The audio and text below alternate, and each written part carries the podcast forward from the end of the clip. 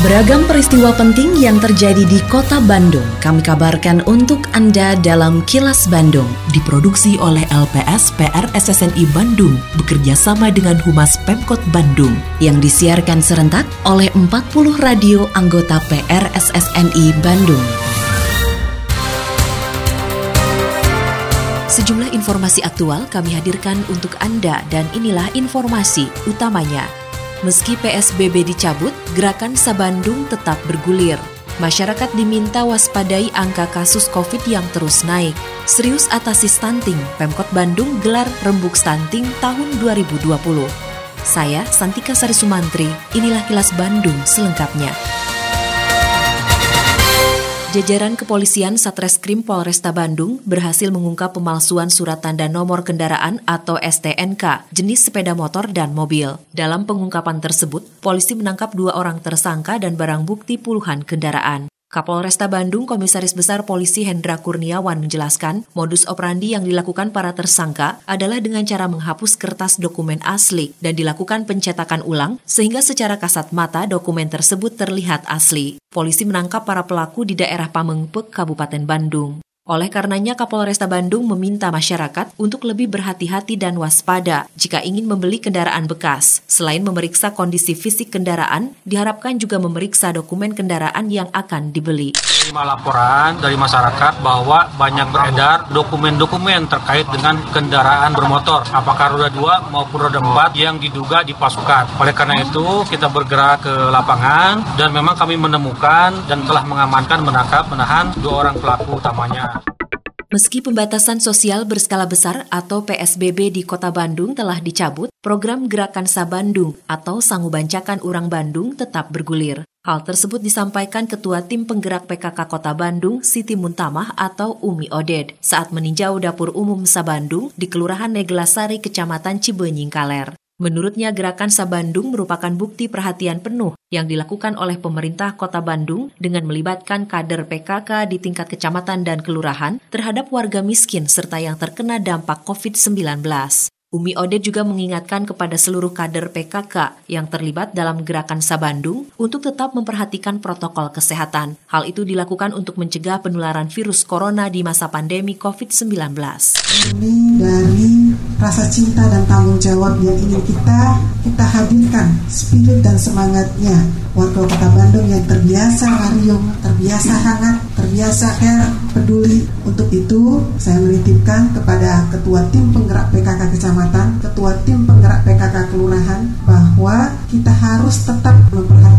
social distancing dan physical distancing sehingga dapur sepaksa Bandung ini punya prinsip salah satunya adalah dengan memberdayakan UP2K di jaringan PKK. Masyarakat diimbau terus mewaspadai dinamika persebaran virus corona di Jawa Barat dalam satu bulan mendatang. Pasalnya kasus COVID-19 cenderung mengalami kenaikan berdasarkan pada penghitungan akhir Juni lalu. Epidemiologis dari Universitas Pajajaran, Boni Wim Lestari mengatakan, angka reproduksi instan pada 1 Juni lalu berada pada kisaran 1,1, sedangkan rata-rata dalam dua pekan terakhir, Jawa Barat berada pada angka 0,82, yang artinya cukup terkontrol, tapi masih ada peningkatan kasus. Boni meminta semua pihak harus tetap waspada untuk mencegah kasus COVID-19 terus bertambah. Meski begitu, angka reproduksi bukan merupakan satu-satunya indikator dalam menentukan kontrol atas pengendalian COVID-19. Angka reproduksi efektif di Jawa Barat terhitung mulai tanggal 1 Juli 2020 itu ada di angka 1,1.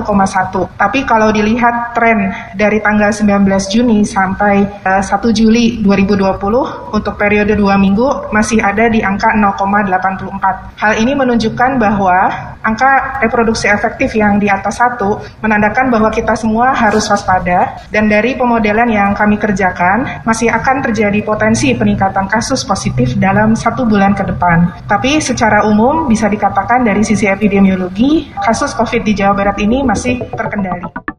Anggota Komisi B DPRD Kota Bandung, Nenden Sukaesi, mengatakan penutupan tempat hiburan malam karena pandemi COVID-19 memang mengurangi pendapatan asli daerah atau PAD. Meski begitu, kesehatan masyarakat tetap harus diutamakan. Nenden menegaskan DPRD sudah mengingatkan kepada pemerintah Kota Bandung untuk sangat berhati-hati jika akan mengizinkan tempat hiburan malam kembali buka di masa adaptasi kebiasaan baru atau AKB. Dirinya menyebut perlu aturan dan pengawasan yang sangat ketat dalam penerapan protokol kesehatan di sejumlah sektor yang selama ini belum diizinkan untuk kembali beroperasi. Aturan kesehatan tidak tidak dilanggar, kita lihat di lapangan kan. Oh iya, jadi kita ngerti. Oh iyalah ini bisa dijalankan asal eh, sesuai dengan eh, batas-batas uh, yang ditentukan. Tapi kalau hiburan malam, nah Komisi B sendiri nggak tahu kita belum ada kabar bahwa itu hiburan malam udah ada simulasi gitu kan. Jadi kita juga ingin tahu apakah apakah itu hiburan malam lebih kayaknya lebih parah kalau misalnya kita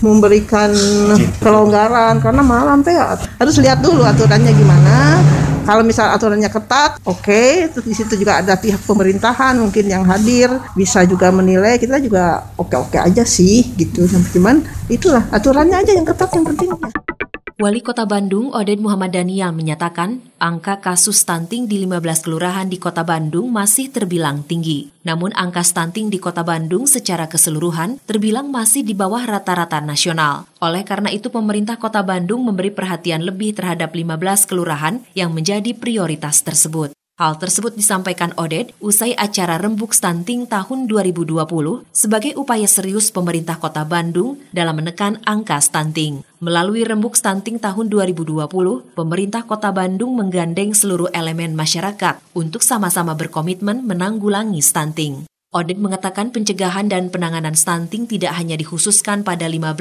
kelurahan prioritas, karena nantinya seluruh kelurahan di kota Bandung menjadi prioritas pembangunan yang akan dilaksanakan oleh perangkat daerah. Yang 15 kecamatan eh, kelurahan itu, itulah yang akan kita coba treatment, enggak lebih gitu, ya, gitu. Tapi bukan berarti kan saya sampaikan tadi juga dalam arahan saya. Tapi bukan berarti kelurahan yang lainnya tidak dilakukan gitu kan. Tapi ya seperti hal biasa, mulai kan seperti melaksanakan kebijakan kampisan misalnya kan kan beberapa dulu di treatment gitu kan nanti dia dari percontohan seperti itu kini audio podcast siaran Kilas Bandung dan berbagai informasi menarik lainnya bisa Anda akses di laman kilasbandungnews.com.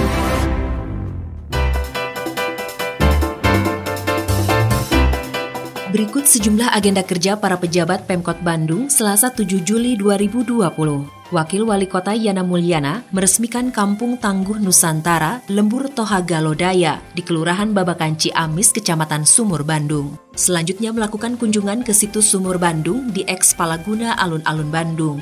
Sekretaris Daerah Emma Sumarna mengadakan video conference bersama gugus tugas percepatan penanganan COVID-19 Kota Bandung. Berikutnya memonitoring penerapan protokol kesehatan di tempat hiburan di kawasan Jalan Pasir Kaliki. Adapun Bandung menjawab di Auditorium Rosada, Balai Kota Bandung, menghadirkan narasumber dari Dinas Pangan dan Pertanian Kota Bandung, serta Dinas Perumahan dan Kawasan Permukiman, Pertanahan dan Pertamanan Kota Bandung. Selain agenda kerja para pejabat Pemkot Bandung, informasi dari Humas Kota Bandung, yaitu Mini Lab Food Security Kota Bandung, masuk dalam 15 besar kompetisi inovasi pelayanan publik yang diselenggarakan oleh Kementerian Pendayagunaan Aparatur Negara dan Reformasi Birokrasi atau Kemenpan RB. Inovasi di bidang pangan tersebut kini dilengkapi dengan aplikasi e-Wasmut. Wali Kota Bandung, Oded M. Daniel mengatakan, inovasi mini lab food security sebagai solusi atas kekhawatiran pemerintah kota terhadap kualitas pangan yang dikonsumsi masyarakat Kota Bandung.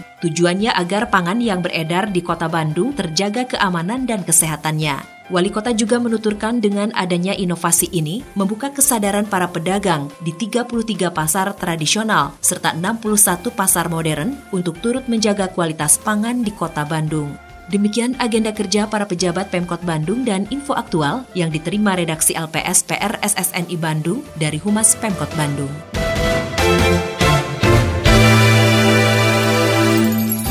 Terima kasih Anda telah menyimak Kilas Bandung bekerja sama dengan Humas Pemerintah Kota Bandung yang diproduksi oleh LPS PR SSNI Bandung.